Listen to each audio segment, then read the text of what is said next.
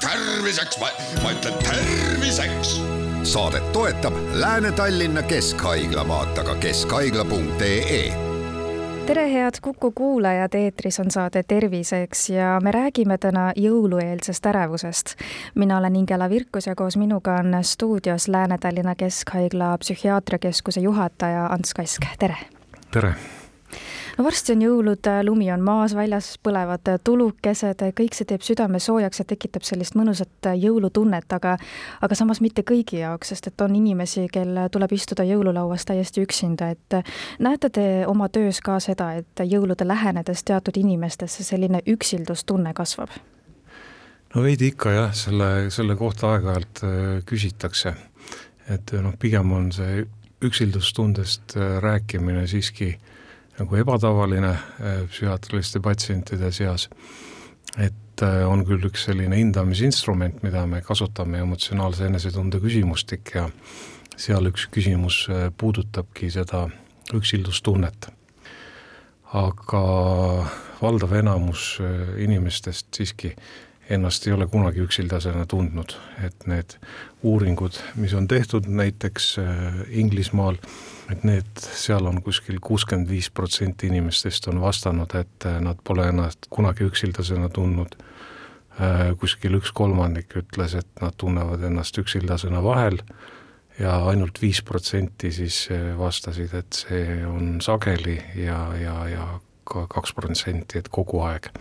et see seitsmeprotsendine number muidu iseenesest langeb kokku ka sellise depressiooni levimusega, et umbes nii palju võikski siis olla tegelikult ma just tahtsingi täpsustada, et äh, kui teie juurde jõutakse, siis tõenäoliselt on see üksildus juba tekitanud mingisuguseid sügavamaid probleeme või? et kui sealt ankeedist tuleb see äh, välja? ütleme, need on ju inimesed, kes juba otsivad abi.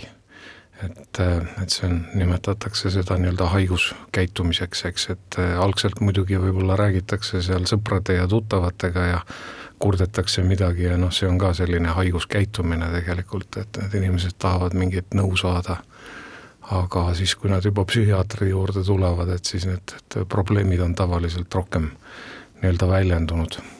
ja noh, selle üksindustunde osas võib-olla muidugi e, veel peab arvestama seda, et kui selliseid e, rahvastikuküsitlusi teha, et e, neid inimesi, kes üksildasena ennast tunnevad, võib olla ikkagi oluliselt rohkem, sellepärast et sellele vastamisel võib tekkida selline kallutatus, sellepärast et üksildusi äh, üldiselt on ikkagi nagu sotsiaalselt negatiivse tähendusega ja seda nagu häbenetakse ja pigem sellest nagu avalikult ei räägita. Teeme selle korraks selgeks, et mis vahe on üksindusel ja üksildusel või seal ei olegi olulist vahet? no eks ikka on, on, on see vahe ja ma arvan, võib-olla see segadus ka osalt tuleb äh, sellest, et eesti keeles äh, tegelikult eristabki neid äh, kahte sõna ainult üks täht. ja nii võib hästi lihtsalt nagu sassi minna, et kui, kui nagu mõtlema ja rääkima hakata sellest, et siis võib noh, tihti panna võrdusmärgi selle üksinduse ja üksilduse vahele, aga aga võib-olla see nii-öelda oluline noh, erinevus on, on see, et kui üksilduse puhul on äh, alati mingi tunne ja see on valdavalt siis nii-öelda negatiivne, siis noh, üksinduse puhul seda nii-öelda tunnet ei, ei ole. et lihtsustatult võib öelda, et üksindus on üksi olemine ilma tundeta, et midagi oleks puudu, aga üksildus on selline püsiv subjektiivne tunne, kus tajutakse, et midagi on puudu, mingi vajadus on rahuldamata ehk et äh, üksildaselt võib tunda ennast ka siis, kui ümber on väga palju inimesi? jah, kindlasti, et, et see, eks ma arvan, seda noh, tunnet võib-olla on nagu kõik nii-öelda kogenud, kui noh, ollakse, satutakse üksi kuskile võõrasse kohta, võõrad inimesed on, võõras keel, mingisugune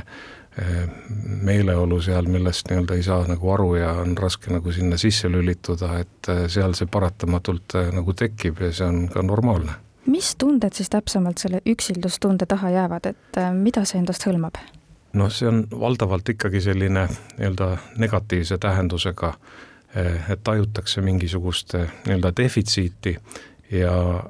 siis nagu põhjuseid leitakse nii nii-öelda välimisi või sisemisi, et inimene nii-öelda võib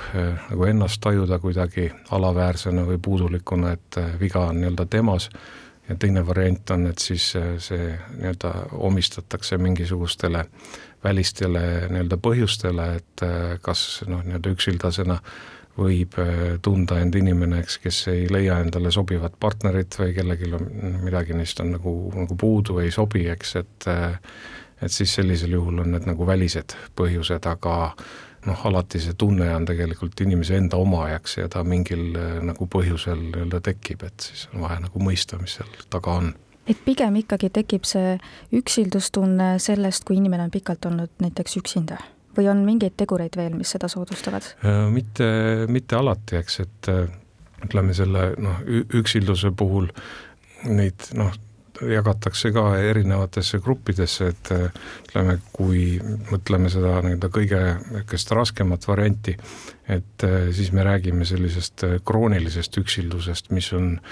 kestnud nagu aastaid, et on ja, ja see on siis seotud sellise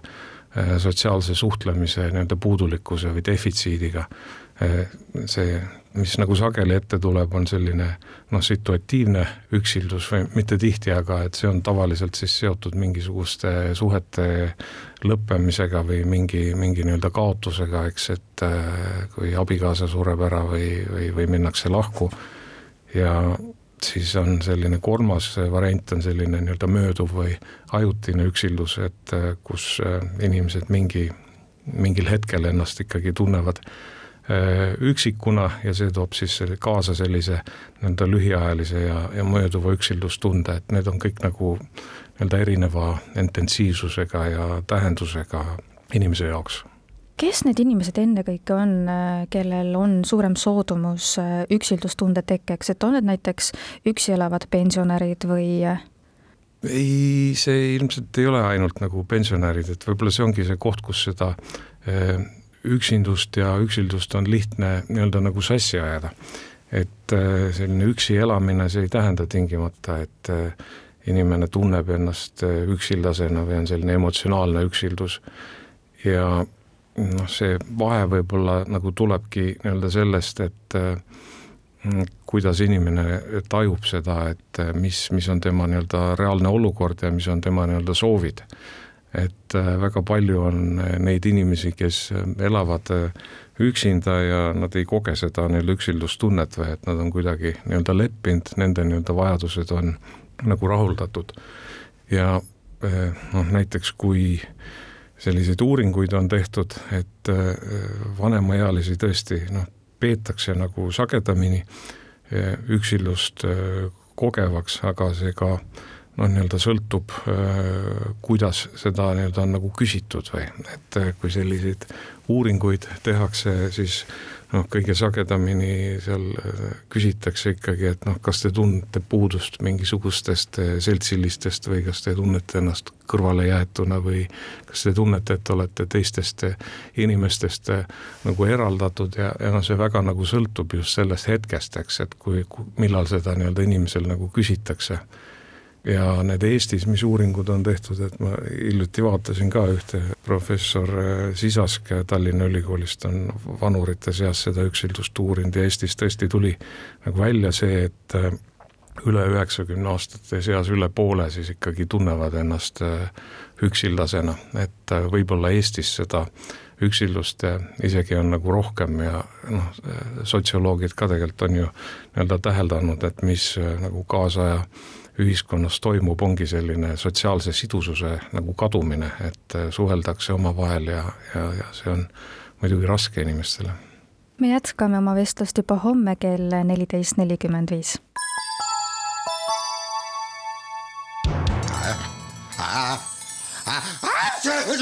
terviseks, ma ütlen terviseks. saadet toetab Lääne-Tallinna Keskhaigla, vaata ka keskhaigla.ee